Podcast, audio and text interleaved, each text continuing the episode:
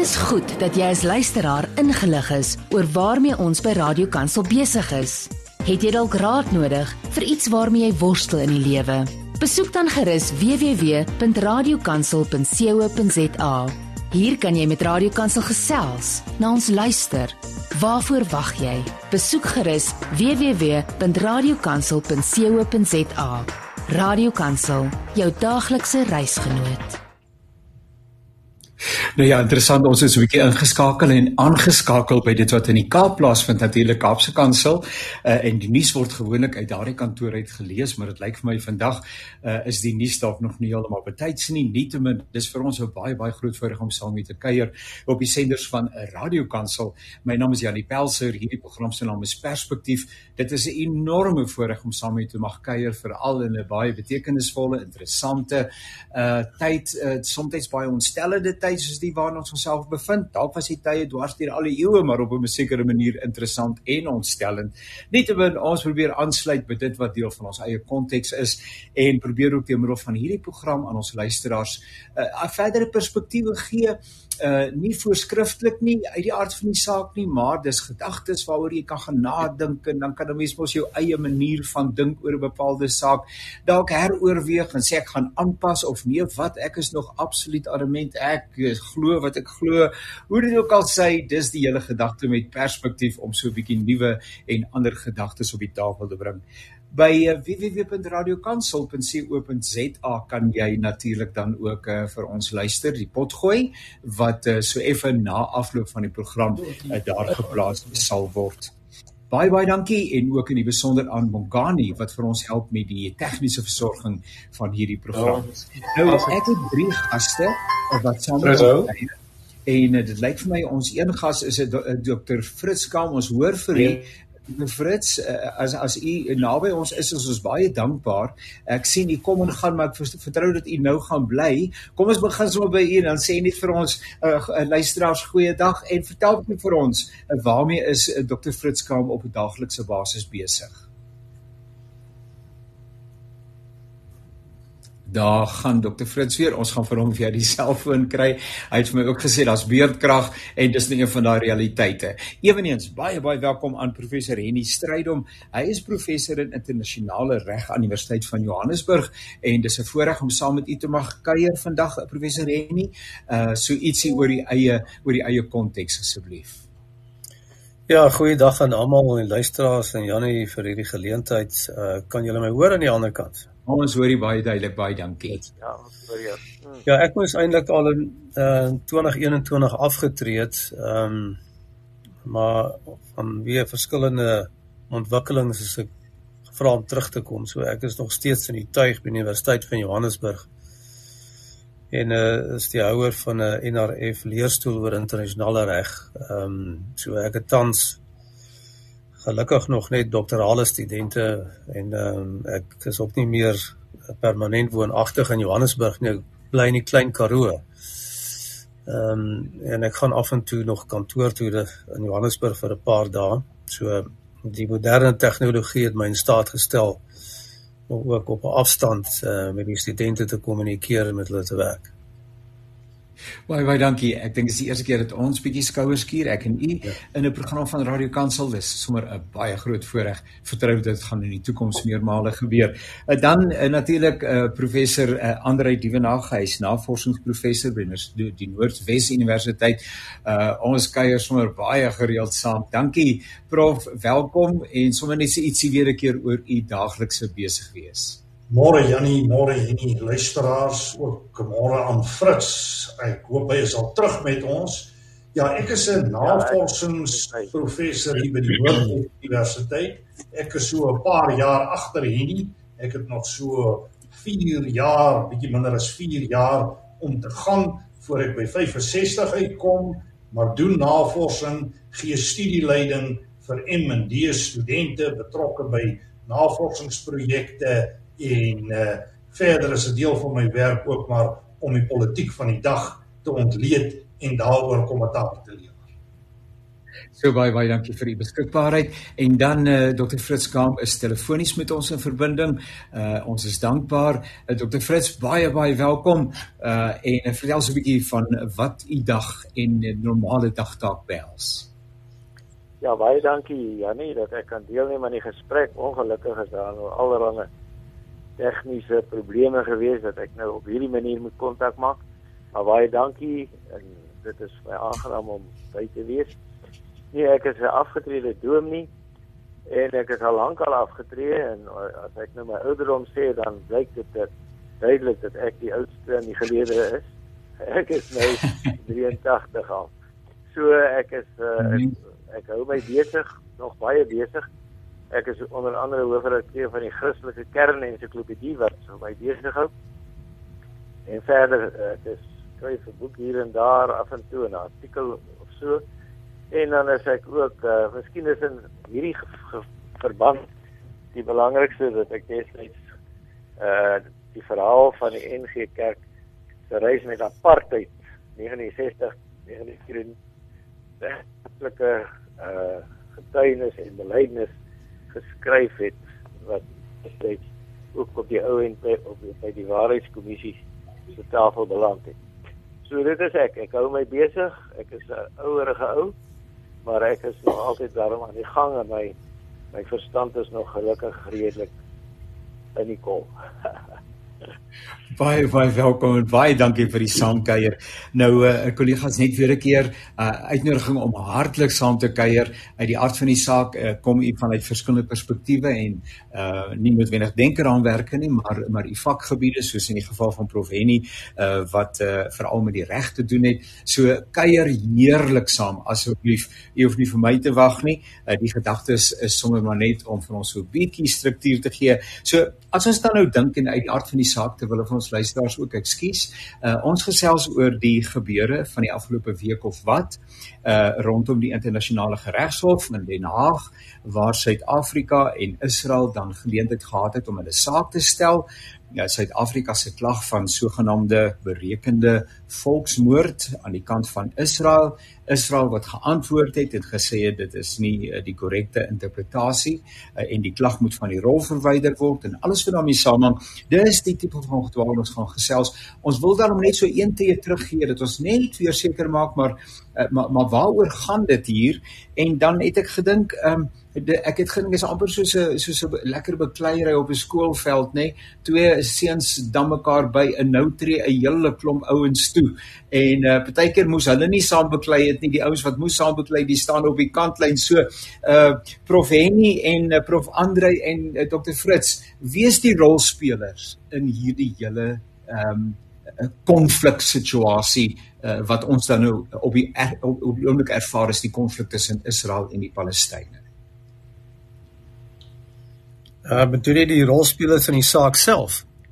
Inderdaad ja, so benewens nou Israel en die Palestynë. Ek weet ehm um, daar's mos ander ouens wat op die kantlyn staan het en in die FSA byvoorbeeld.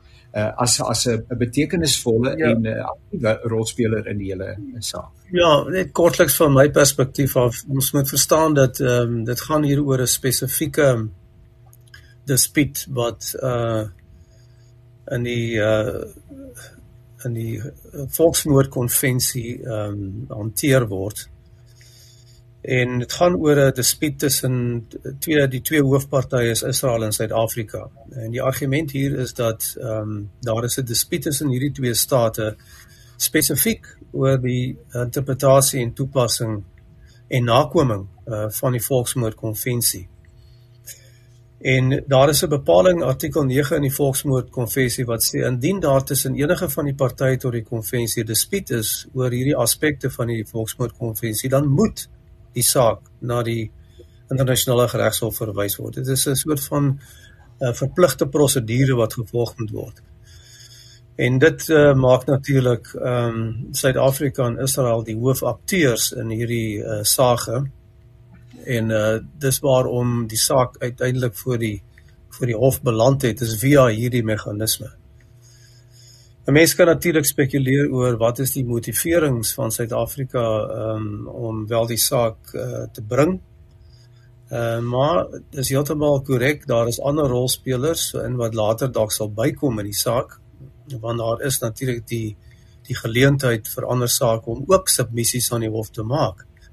Uh en dit gebeur maar as 'n soort van uh normale prosedure voor die hof en ons sal moet kyk soos die saak vorder veral wat die meriete betref uh watter sake gaan gaan bykom in terme van uh werklike submissies wat hulle voor die hof lê. Jan, ja, as ek, as ek hier kan as ek hier kan inkom, ek dink die tema wat jy hanteer het twee kontekste. Die een konteks is die een wat Henny aanraak, dit is die regskonteks en daar is hy die kundige. Maar hier is ook 'n ander baie belangrike konteks wat hier verdiskonteer moet word en dit is die politiek strategiese een. En sonder twyfel het die politiek strategiese omgewing 'n baie groot impak op die saak en waarskynlik ook op die uitkoms van die saak. Nou het net vinnig in die baie dinge gebeur Jannie, sê dat ons 'n week of wat terug gepraat het. En ek gaan net so 'n paar dinge rondom 'n klompie akteurs noem hier. Wat Israel betref, is Israel besig met 'n baie sterk offensief. Hulle is definitief besig om die militêre offensief te wen en ek dink Hamas trek swaar, maar wat intussen tyd gebeur het, in die Israelies erken dit self is dat hulle nou al 'n oorlog veg op sewe fronte. Nou wat Suid-Afrika aanbetref, ek dink ons het die saak aanhangig gemaak en ons kan later praat oor ons motiverings want hier is baie goed in die media in die verband. Maar kom ons kyk vinnig na 'n paar ander rolspelers. Ek het verlede keer probeer aantoon dat hierdie hele Joods-Palestynse geveg eintlik 'n koneksie het na Rusland en Oekraïne toe. En daar gebeur 'n klomp dinge binne Rusland op die oomblik. Daar's interne opstande in Rusland. Die nasionale wag van Putin is geaktiveer om vrede by die Kremlin te bewerkstellig. Die Russiese soldate muit blykbaar in groot getalle. Die wapens is op. Daar's onstabiliteit in die ou Sowjet satellietstate Mens dink byvoorbeeld aan Belarus en so meer. So dis 'n baie onstabiele en onseker omgewing op hierdie stadium wat Rusland aanbetref. Ook die Russe betref, die seun van eh, Prigozhin. Ek dink sy naam is Pablo het begin met 'n offensief en hy het 'n 10 miljoen dollar op Putin se kop gesit om hom uitgelewer te kry. So daar's 'n dinamiek wat aan die uitspeel. Dan op 'n ander front het die Duitsers baie sterk toegetree tot die Jode se ondersteuning. En die Duitsers is onder meer geaktiveer deur wat hulle noem 'n doomsday scenario wat hulle getrek het uit inligting wat hulle uit Rusland gekry het wat sê die Russe maak gereed vir 'n aanval op uh, Duitsland en die NAVO-lande. So die Duitsers is besig om te mobiliseer. Wat Iran aanbetref, is Iran reeds aktief in hierdie oorlog al is dit in terme van sy proksies. En sy proksi magte, hier dink mense veral aan 3, maar waarskynlik meer, dis Hezbollah, dis Hamas en dis die Houthis. En die Houthis van Jemen het weer aanvalle geloods op skepe in die Rooi See gebied wat gelei het tot Amerikaanse teenreaksie. En nou sit by die FSA. Die FSA sit met 'n redelike krisis rondom Trump. En dit word gesê dat die Russe hulle strategie bepaal deur te kyk wat gebeur met die Amerikaanse presidentsverkiesing en veral vir oorgangsmaand waar daar 'n verlamming is in besluitneming tussen die een administrasie en die ander een. En dan sou dit nog nie eers by die Trump dinamika wat in die hofsaake uitspeel nie. En dan is dit interessant, laaste punt wat ek hier wil maak, China het onlangs gesofistikeerde missiele beskikbaar gestel vir Iran. En dit lyk my of die oorlog besig is om te eskaleer. En Jannie wat jy in die begin gesê het is geldig. Ons noem dit in die internasionale politiek die spelteorie aanvanklik is een of twee mense betrokke, maar dit eskaleer en op die oomblik is die omgewing baie dinamies, baie veranderbaar, maar ek wil tog, en ek sê dit met versigtigheid, die oorlog is besig om te eskaleer en die impak daarvan op die hofsaak gaan wat my aanbetref groot wees met waarskynlik ander uitkomste gegeewe veranderende magskonstellasies en ek dink nie Suid-Afrika het al hierdie goed verreken toe ons tot hierdie saak toegetree het nie. Maar dis my my twee sent ja Dr Fritz ek moet sommer net aanklim kom ons luister na u.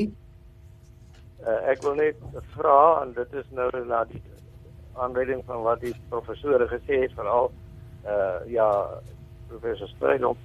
Ek wil net uh, die die, die dispuut wat verklaar moet word uh voordat dit na die wêreldhof gaan het Suid-Afrika die regte prosedure gevolg in die verband dit klink vir my as ek na Israel se se verweer geluister het of uh, hulle eintlik geleentheid om te te praat uh vooraf te praat oor die hele storie dat Suid-Afrika dit van die hand gewys het of in elk geval geïgnoreer het of vakansie daarvoor gehou het waarom hulle nie daarbey uitgekom het nie.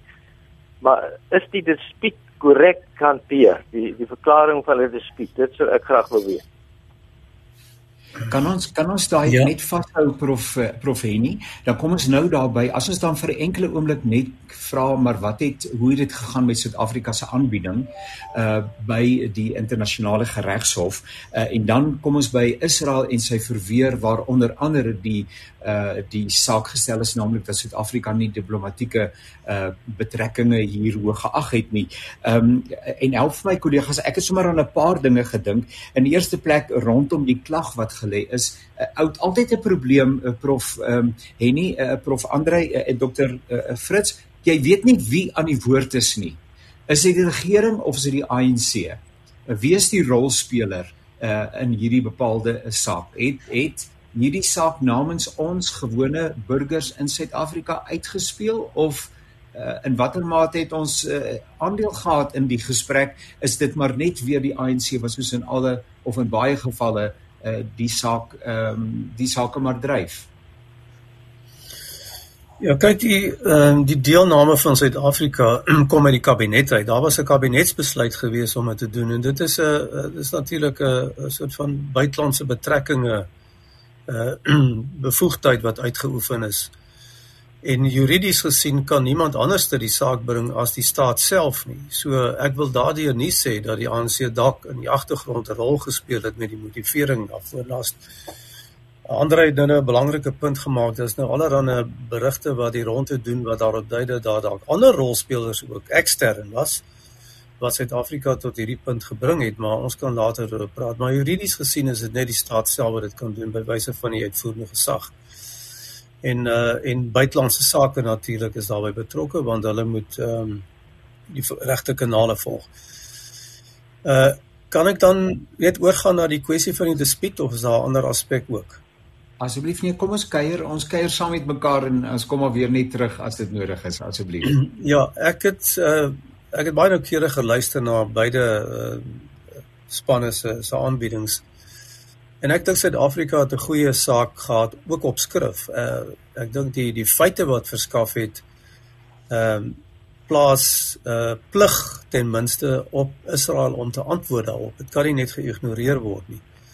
So daar is 'n saak uit te maak vir wat Suid-Afrika wil kry van die hof en dit is Israel se plig dan om daarop te antwoord en ek dink Israel het 'n paar goeie punte geopper of dit heeltemal oortuigend is uh, en in watter mate dit die hof se beslissing sal beïnvloed is sal ons eers sien wanneer die uit, uitspraak kom. So ek dink uh, daar was baie professionele optrede aan beide kante gewees. Hulle het gehou by die regsbeginsels en hulle het gehou by die toepassing daarvan en hulle het gehou by die feite. So uh dit was ook 'n uh, 'n uh, goeie spanne wat aan beide kante opgetree het, uh, bekende mense. Uh en uh ek was ek was uh, beïndruk met met beide van die aanbiedings gewees. En die wyse waarop dit gedoen is. Nou om terug te kom oor die dispuut, dis natuurlik 'n uiters belangrike aspek van die hele saak.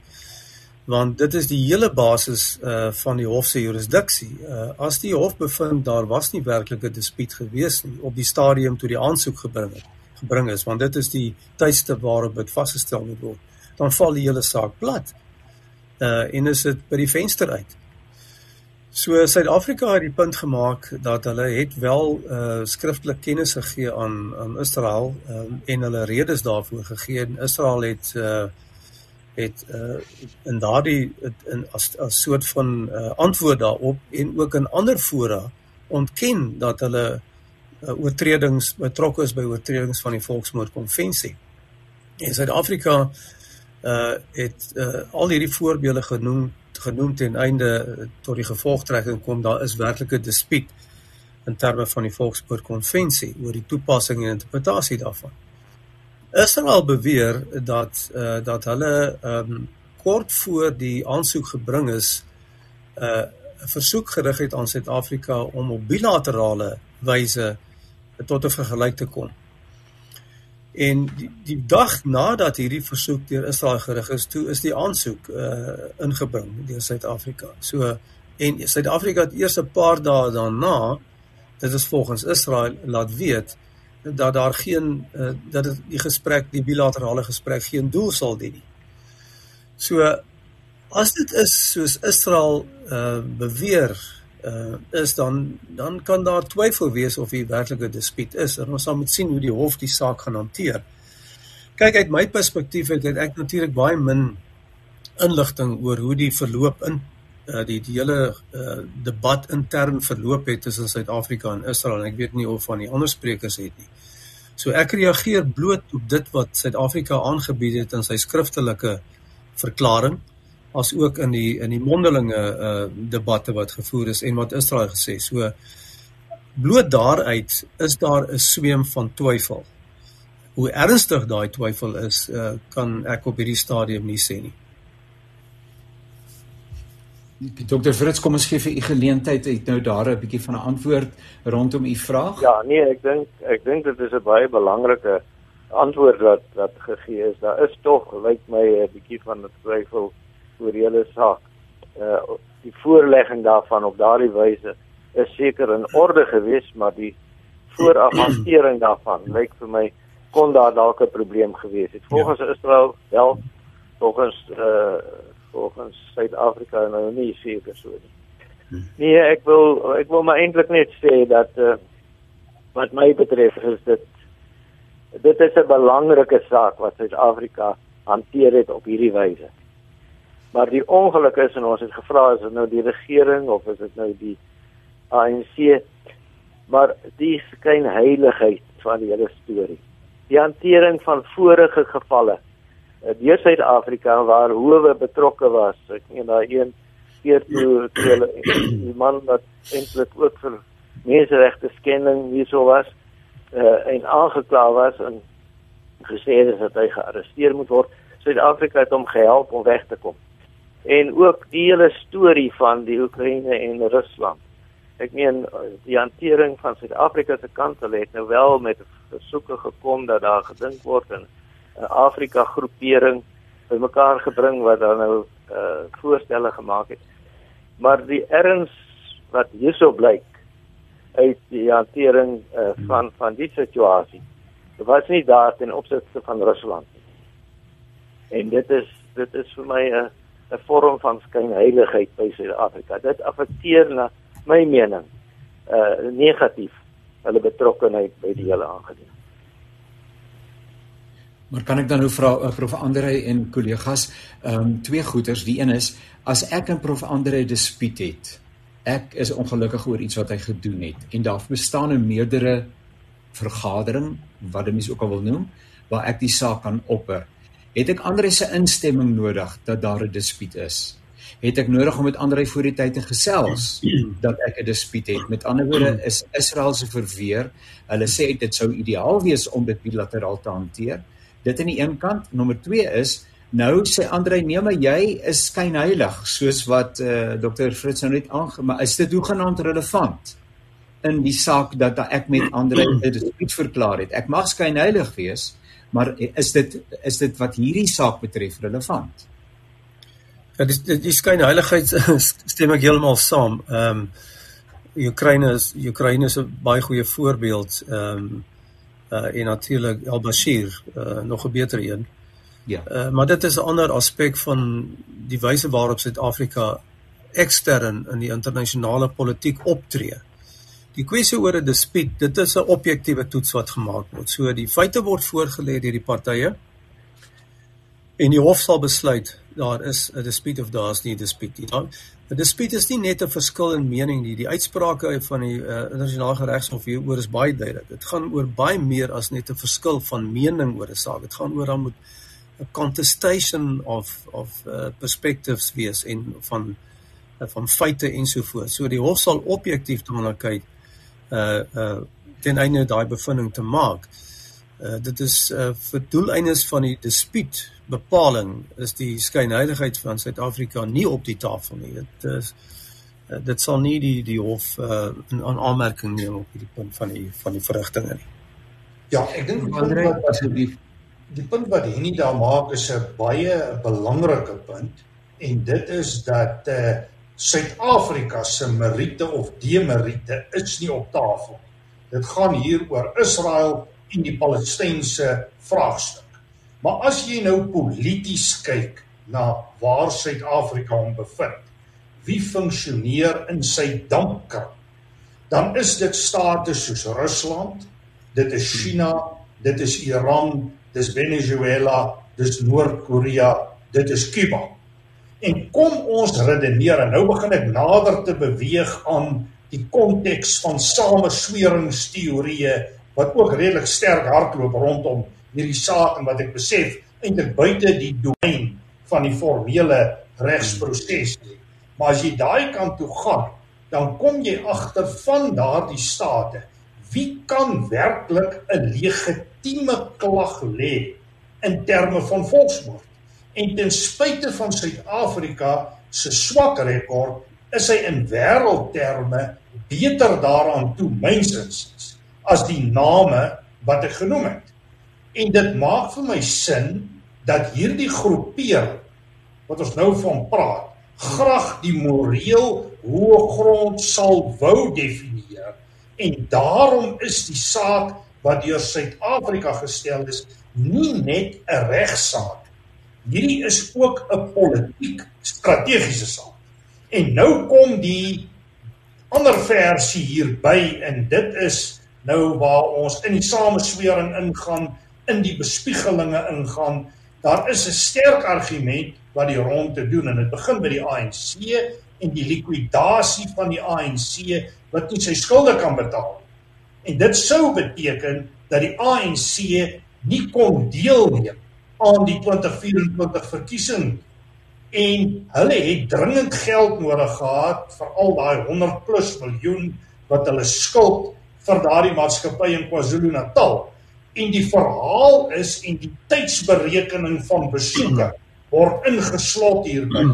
Dat daar besoek afgelê is aan Iran, dat daar geld beskikbaar gestel is aan die ANC en dat die teenprestasie was om hierdie saak te gaan hardloop. Nou dit is nie bewys op die oomblik. Maar ek moet sê vanuit 'n politieke oogpunt as jy die belange ontleed, die strategiese posisies en jy kyk na die ANC se posisie binne Suid-Afrika op die oomblik, dan dink ek sou dit dalk die moeite werd wees om die saak verder te ondersoek. En dit is ook interessant dat 'n party Action South Africa ook nou ondersoek begin doen het en navraag gedoen het in terme van waar het die ANC geld gekry? Die 100 hmm. miljoen wat partye moet verslag doen oor die geld wat inkom en as ek reg het bepaal die wet jy mag 10 of 15 miljoen mag jy kry van een akteur om te verseker dat daar nie buitelandse manipulasie van verkiesings is. Nou hier is 'n probleem. Nou ek is nie oortuig oor hoe dit die regsaak kan en gaan beïnvloed nie. Streng tegnies behoort dit nie. Maar ek het ook al gesien in die politieke wêreld waar ek funksioneer dat mag en magsfaktore heel dikwels sterker is as die reg en regsfaktor. Jy kry dit binne state waar state verswak, maar jy kry dit baie sterk in die internasionale wêreld waar daar nie konsensus is oor sentrale beginsels en norme en waardes wat die wêreldpolitiek dryf nie. En dit maak regstoepassing eintlik meer kwesbaar vir politieke kragte en politiek dinamiese prosesse wat uitspeel. Ek wil maar net die punt vir u maak. So kry gas dan dan van my as ek ja asseblief asseblief. Sorry, Janie, kan ek net kortliks daarop reageer? Ek ek stem ehm um, ek stem saam met Andrei wat hierdie politieke konteks betref en dit kan Suid-Afrika natuurlik begin byt op 'n stadium. Uh die beweringe van geld wat vanuit uh, Iran gekom het uh vir die uh, ANC ehm um, is natuurlik 'n uh, baie ontstellende ontwikkeling indien dit waar is. So uh, en dit uh, voorspel niks goeds vir die toekoms ook nie, maar as hierdie soort van ehm um, eksterne invloed wel uh, van die motiveer motivering was vir die saak, En dan kan in Suid-Afrika se se bona fides natuurlik ernstig in die in die weegskaal plaas. En dit kan uh wat die eksterne politiek betref asook interne politiek uh, dalk soort van reperkusies hê wat die regering op hierdie stadium nog nie mooi bereken het nie. Israel het reeds al sulke steekies begin inkry. Um in in debatte wat gevoer is. Uh en dit is duidelik uh dat hulle dit waarskynlik ook nie daar gaan laat nie. Dit kan verder uitkring. So dit word 'n uh, uiters problemaat problematieke situasie uit die, uit die politieke konteks gesien. Ehm uh, en ek stem 100% saam met Andre wat betref dat hierdie moet verder ondersoek word. Ons moet agter die kap van die byl kom wat hier gebeur het. Dr Fritz, hoe reflekteer hierdie goeters as ek sommer net aan u dink as teoloog uh op die geloofsgemeenskap? Ehm um, nou weet ek nie of dit tersaaklik is nie want daar is sekerlik vryheid van uitdrukking en van assosiasie. Maar iemand stuur gisteraand vir my in uh, wanneer dit aangebring is, weet ek nie, maar dit is waarskynlik net in die onlangse verlede. Uh iewers in Midrand 'n reuse, 'n reuse billboard. Wat noem mense 'n billboard uh professor Andrei? Hierdie borde wat op die pad is waarin die Islam uh met name adverteer word. Uh en en en en is hier nou nog 'n deur wat besig is om oop te gaan. En nou soos ek sê, mense mag assosieer en daar's godsdienstvryheid in Suid-Afrika, maar dit hang dit voel net so uh, Dr. Fritz asof hierdie goeders alles nou half in 'n stroom begin vloei. Ja nee, dit is so dat dit is ontstellend. Uh ook wat die geloof betref, geloofsgroepe want uh, die Israelies is nou hoofsaaklik of heeltemal Jode en die uh, Palestynë is daar ook natuurlik baie Christene of daar is heel wat Christene onder die Palestynë. Waarskynlik verhoudingsgewys meer as onder die Jode. So dit is 'n faktor wat mense soms nou nie in, in gedagte moet hou dit dit is nie so eenvoudig om 'n keuse te maak nie. Die groot punt is dat die onreg wat plaasvind. En dit dit beteken dat 'n mens uh, in 'n Christelike gemeenskap in 'n kerk uh, is mos nou teen onreg. Ek dink dit is so dat uh, in Suid-Afrika het die Afrikaanse kerke en dit het ek ook geskryf in 'n artikel en rapport. Die Afrikaanse kerke het bietjie lank gevat om duidelik te praat oor die onreg wat tog wel in die apartheidstyd plaasgevind het. Maar nou die onreg is net vreemd dat in die geval van van um, Israel wat hulle tereg hulle staat verdedig teen aanvalle en invalle uh dat hulle tog nie mooi onthou van wat hulle gedoen het destyds wat aan hulle gedoen is nie en dit is dit is die vreeslike probleem ja. dat jy eintlik dan nou amper dieselfde begin doen dis nou ja jy, jy kan nie sê dieselfde nie maar ook op 'n onregverdige manier optree teenoor ander mense nadat hy daar ook teenoor jou uh, verkeerd opgetree het. Dit dit is 'n probleem, dit is dit is sekerlik nie reg soos dit gebeur nie. En nou is dit so dat mense uh, nie daarom uh vir Israel wou sê hy het nie 'n saak om om sy eie grondgebied te verdedig nie. Natuurlik het hy 'n saak. Maar die wyse waarop teen die Palestynë opgetree is deur die jare is is 'n geval van onreg is is so dat dit problematies is. En uh nou ja, dit dit is daarom so moeilik ook vanuit ons geloof om te sê nou maar hier lê reg en daar lê onreg. Uh maar dit is so dat dit 'n faktor is wat mense in gedagte neem. Hier skud die kop uh, professor Reni. Ja, ehm um, ek is ek is bly Fritz dat die kwessie van die selfverdediging is reg van Israel opgehaal. Ehm um, ek is ook van van oordeel dat ehm um, Israel het 'n legitieme reg tot selfverdediging. Die verhandelikhede is steeds aan die gang en die bedreiging vanuit Hamas se kant is steeds in plek.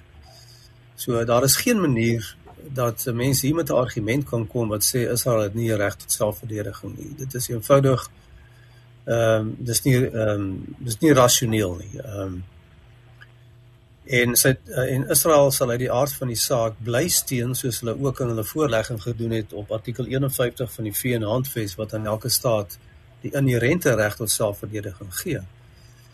Die rede hoekom ek dink uh, daai aspek is belangrik, uh, dit het konsekwensies vir Suid-Afrika se eerste versoek vir 'n interim maatreël, naamlik dat die verhandelikhede wat Israel tans mee besig is, gestop dadelik gestop moet word. Nou ek hoop nie die hof gaan gaan dit doen nie want dit sal eenvoudig beteken dat Israel dit nie gaan gehoorsaam nie. Meen in die geval van Oekraïne, Oekraïne teen Rusland, Rusland het dit geïgnoreer. Hy het dieselfde bevel gekry toe. En die saak in die geval of die erns van die saak is baie erger in die geval van Israel. So vir die hof se eie integriteit, ehm um, dink ek sal daardie versoek nie toegestaan word nie vanweë die huidige omstandighede soos dit steeds bestaan uh en wat Israel die reg gee uh om uh, uh, uh, soort van selfverdedigings uh opsie uit te oefen. Wat wel ek dink 'n geskil is en dit is waar dit is vir my die die hoofpunt van hierdie hele saak is dat die disproporsionele konsekwensies van Israel se selfverdedigingsoptrede. En dit is waar die die regsaspek van die saak ehm um, ter sprake kom. En dit is natuurlik afgesien van die saak wat voor die internasionale geregshof is. Dit is natuurlik 'n aspek wat deel sal word van die ondersoek voor die internasionale strafhof, die ICC onder die statuut van Rome. Maar daar gaan dit oor die individuele straf uh, strafregtelike verantwoordelikheid uh, van van persone in die regering en in die weermag van Israel. Maar duidelik hierdie aspek wat nou voor die internasionale geregshof ook is, sal éventueel en die feite wat daar verskaf word sal éventueel van belang wees vir ondersoeke deur die internasionale strafhof ook. Prof Andre, ek ek het uh, asseblief ek gaan sien jy gaan reageer. Ek wil net gou sê uh, as uh, as dominee uh, en ek weet nie of dokter Fritz dalk uh, daai ervaring het nie, uh, miskien nie, maar uh, wanneer daar huwelikskonflik is, en nou luister jy na die partye. As die man vertel dan sê hy geen mens kan met daai vrou getroud wees nie. As sy vertel sê hy die man moet jy sommer bykom met die eerste besemstok. Dit is so moeilik om jouself te plaas binne 'n bepaalde situasie. Uh, en ek het na die 2 dae uh, uh, uh, van tyd tot tyd geluister na die verskillende voorleggings wat gemaak is.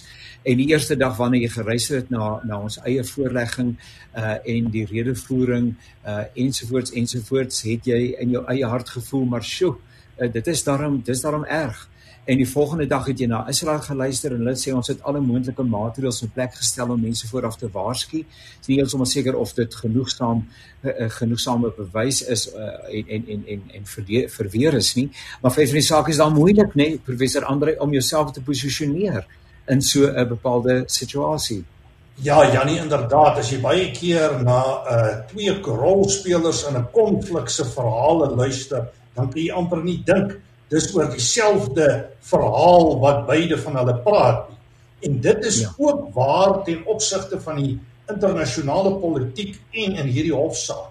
Maar ek wil die dinge bietjie op 'n ander vlak beredeneer en 'n bietjie staatsfilosofies dalk regsfilosofies kyk na die saak. Asseblief. Dit is dat as jy regsprosesse toepas, dan doen jy dit binne 'n bepaalde orde met 'n bepaalde waardestelsel en daar moet bepaalde instemming wees tot die aanvaarding van 'n bepaalde waardestelsel. Nou wat die huidige internasionale orde betref, word dit vanuit talle hoeke gesien as 'n Amerikaans westers Europees gedomeineerde stelsel. En teenoor hierdie stelsel het daar magsblokke ontwikkel, dikwels met ander ideologiese wortels, marxisties, leninisties, maoisties wat eintlik die orde, verandering van die totale orde veronderstel en eintlik nie die besluite van die orde aanvaar as bindend. En is baie interessant en Henny het daarna verwys Israel se reg op selfverdediging. Maar Hamas in sy sentrale handves of konstitusie erken nie die staat Israel. Nou nou hoe maak jy met partye wat mekaar nie erken nie. So daar's geen basiese konsensus nie.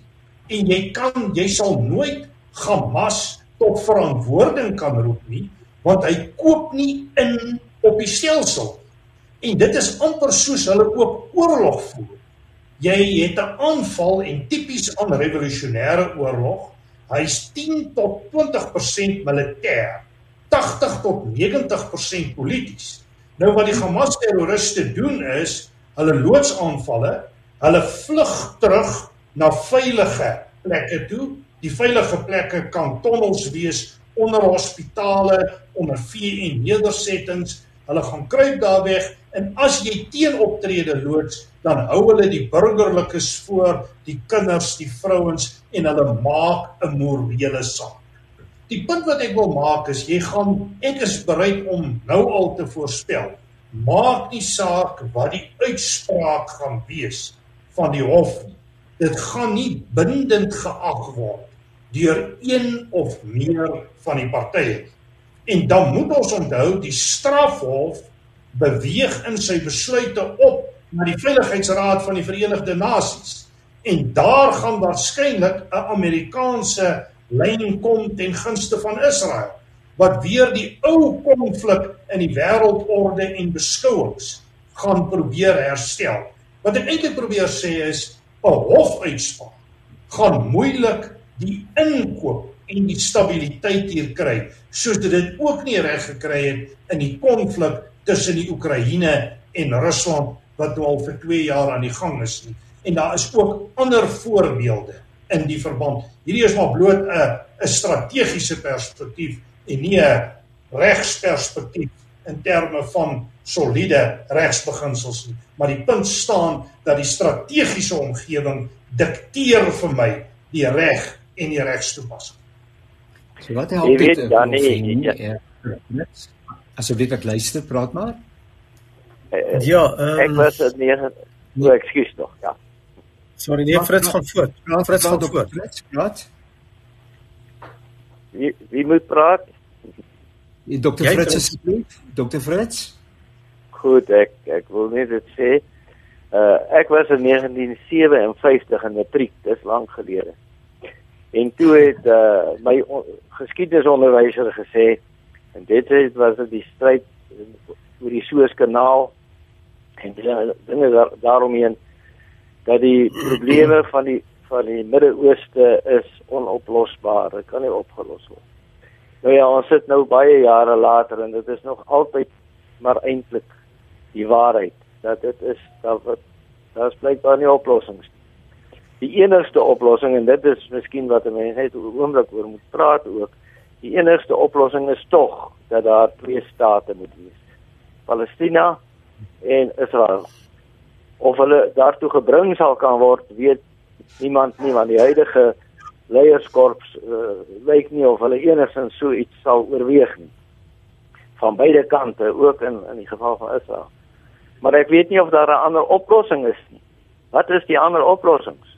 Dit is die enigste moontlikheid dat daar 'n billike reëling getref word en daarvoor het 'n mens baie sterk leiers nodig, baie sterk leiding soos ons hier gehad het met F.W. de Klerk en Nelson Mandela op 'n kop. So is dit nie so dat dat die leiers wel die pad moet oopmaak nie en duidelikheid moet kry oor wat is die oplossing of gaan ons oor 50, 60, 100 jaar nog altyd weer 'n nuwe probleme in die verband hê. Dit is dit is die vraag wat wat 'n mens moet antwoord. Profenie en uh, professor uh, Andrei, ek wil ook sommer net uh, net vra net so 'n stukkie terug en dankie uh, Dr Fritz. Ehm um, as die internasionale regshof of watter liggaam dit dan nou ook al is, dan nou geen gesag het om enige vyandelikhede te staak of wat ook al hulle uitspraak, bevinding, aanbeveling of wat dit sou wees uh, is nie. Wat is die sin daarvan om jou te beroep op hierdie strukture wetende dat niemand hulle in elk geval daaraan gaan steur nie? Ja kyk die staking die staking van vyandelikhede is is is nie die hof se se plig nie. Ehm uh, die hof kan in sekere gevalle wel so bevel maak. Maar dit hang af van die konteks. As hy in hierdie geval so bevel maak uh dat Israel vyandelikhede moet staat, gaan hy gaan dit eenvoudig geïgnoreer word. Solank die omstandighede vir 'n reg op selfverdediging in plek is. So die hof moet moet noukeurig dink wat gaan werk en wat nie gaan werk nie. As hy 'n soort van soos hulle Engels sê 'n overreach pleeg. In ander woorde die die bevele wat hy maak is is te ekstreem en het ekstreme konsekwensies vir Israel. Dan gaan dit geïgnoreer word. So ons kan in daardie verband dink ek 'n soort van middeweg benadering van die hof verwag. Want onthou die hoof probleem hier is daar moet iets gedoen word om die burgerlikes te beskerm. Ja ja. ja ons het gesien wat is die konsekwensies vir die burgerlikes. Dit is gruisam. Niemand kan dit ontken nie. So en dit kan ook nie net gelaat word nie. Iemand moet iets doen om dit te probeer eh, te versag en of om meganismes in plek te kry uh om uh om die situasie te verbeter. En ons moet onthou as die uitspraak gunstig is, gedeeltelik gunstig is. Dit sal nie ten volle gunstig wees vir wat Suid-Afrika vra nie. Ek is oortuig daarvan.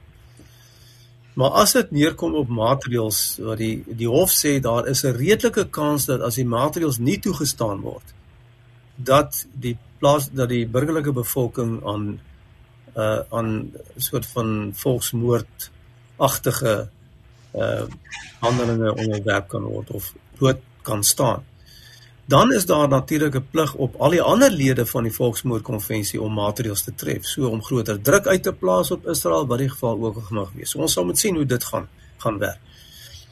Andre het 'n punt gemaak van ehm um, die Veiligheidsraad ehm um, se betrokkeheid in die geval van die internasionale strafhof.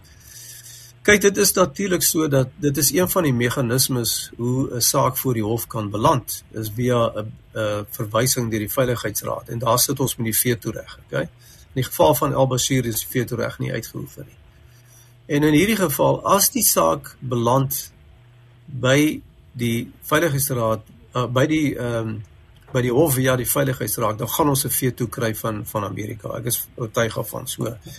Maar Daar is 'n ander manier hoe 'n saak voor die hof kan beland. Is dit is waar die ehm um, uh, die vervolgingsgesag uit eie beweging 'n ondersoek doen en die saak bring na die hof en uh die groen lig kry by die hof om 'n om 'n lasbrief uit te reik. Voorbeeld is Putin.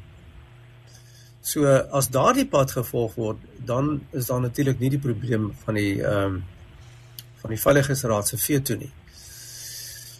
Dan is daar net 'n ander aspek uh, wat ek ook kortliks wil toelig dit gaan oor die ehm um, die gelding van van die reg in in Palestina. Ehm um, daar is uitsprake van die van die hof en dit is as gevolg van aksies wat Palestina self geneem het. En wat uh, bevind het dat uh, humanitêre reg, die Geneefse konvensies is van toepassing in in die geokkupeerde gebiede. Dis dis van toepassing op Hamas. En dit is 'n versoek wat gekom het van van die Palestynë self. Want hulle wil hê dat daardie reg moet toepassing vind oor Israel se ak se aksies in die geokkupeerde gebiede. En hulle het reg gekry. In Israel is onderworpe daan en Israel erken dit ook. Maar daardie aksie van die Palestynë het ook nou tot gevolg gehad dat Hamas daardeur getoets gaan word. En Hamas kan nie nou sê dis nie van toepassing, daar's reeds 'n besluit. Dit is van toepassing. En gevolglik is hulle optrede van 7 Oktober wat die hele oorlog begin het, is onderworpe aan ondersoek deur die internasionale strafhof ingevolge die Geneefse konvensies en die statuut van Rome. Dit het kortliks.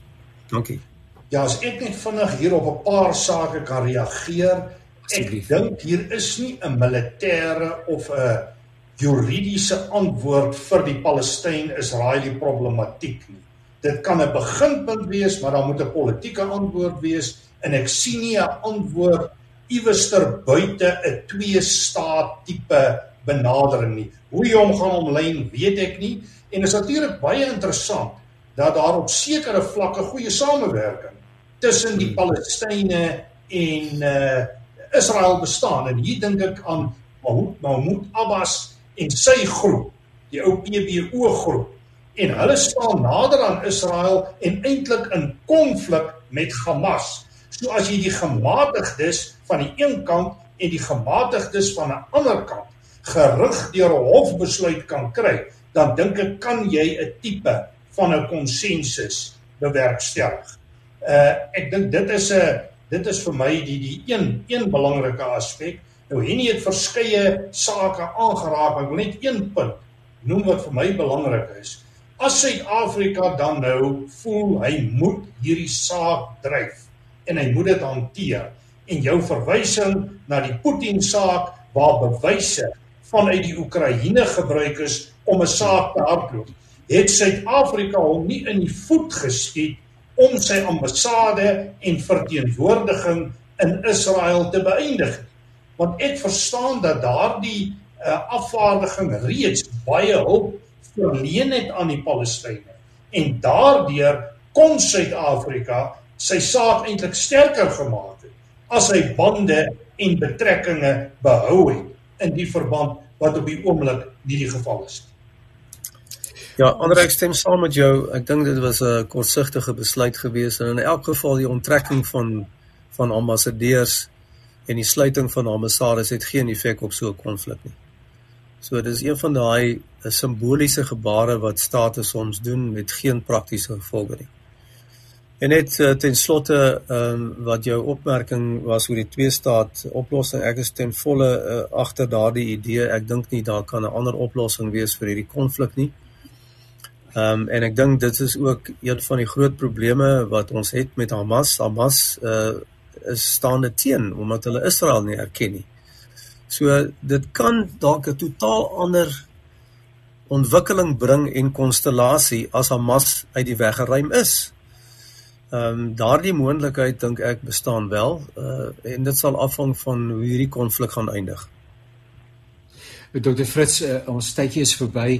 Uh, dit voel net vir my ek wou maar net 'n laaste gedagte met die toets. As ek so luister na uh, prof uh, Andre en uh, prof Henny uh en al die verskillende perspektiewe, rolspelers, narratiewe en subnarratiewe en dis meer en so en dit lyk dit vir my ons moet in hierdie wêreld in elk geval nie na blywende vrede soek nie. dit gaan ons ja. altyd ontglip, uh, eh, Dr. Fritz. Ja, nee, dit is so. Dit is natuurlik die waarheid. Ongelukkig is dit so. Maar ek reken net 'n mens moet dan streef na oplossings wat wat redelik is, billik is en wat darm oor 'n tydperk volgehou kan word. En ek hoop en ek vertrou daar sal 'n wending kom dat daar tog wel twee state kan wees daarso want dit sal die saak regtig in 'n groot mate dan verbeter. Baie dankie. Deelnemers van ons program was uh, professor Henny Strydom, professor in internasionale reg by die Universiteit van Johannesburg, professor Andre Dievenage, navorsingsprofessor by die Noordwes Universiteit en uh, Dr. Fritz Gam, emeritus predikant van die NG Kerk, skrywer, meningsvormer en dis meer baie baie dankie kollegas vir die saamkuier. Dankie vir die interessante en betekenisvolle leersame perspektiewe wat jy op die tafel geplaas het mag dit met u almal baie goed gaan. Baie dankie. Baie dankie. Dankie en beste wense aan almal. Mooi jaar. Eweneens baie dankie aan Bongani wat vir ons gehelp het met die tegniese versorging. Tot 'n volgende keer. Alles wat mooi is. Dit is goed dat jy as luisteraar ingelig is oor waarmee ons by Radio Kansel besig is. Het jy dalk raad nodig vir iets waarmee jy worstel in die lewe? Besoek dan gerus www.radiokansel.co.za. Hier kan jy met Radio Kansel gesels, na ons luister. Waarvoor wag jy? Besoek gerus www.radiokansel.co.za. Radio Kansel, jou daaglikse reisgenoot.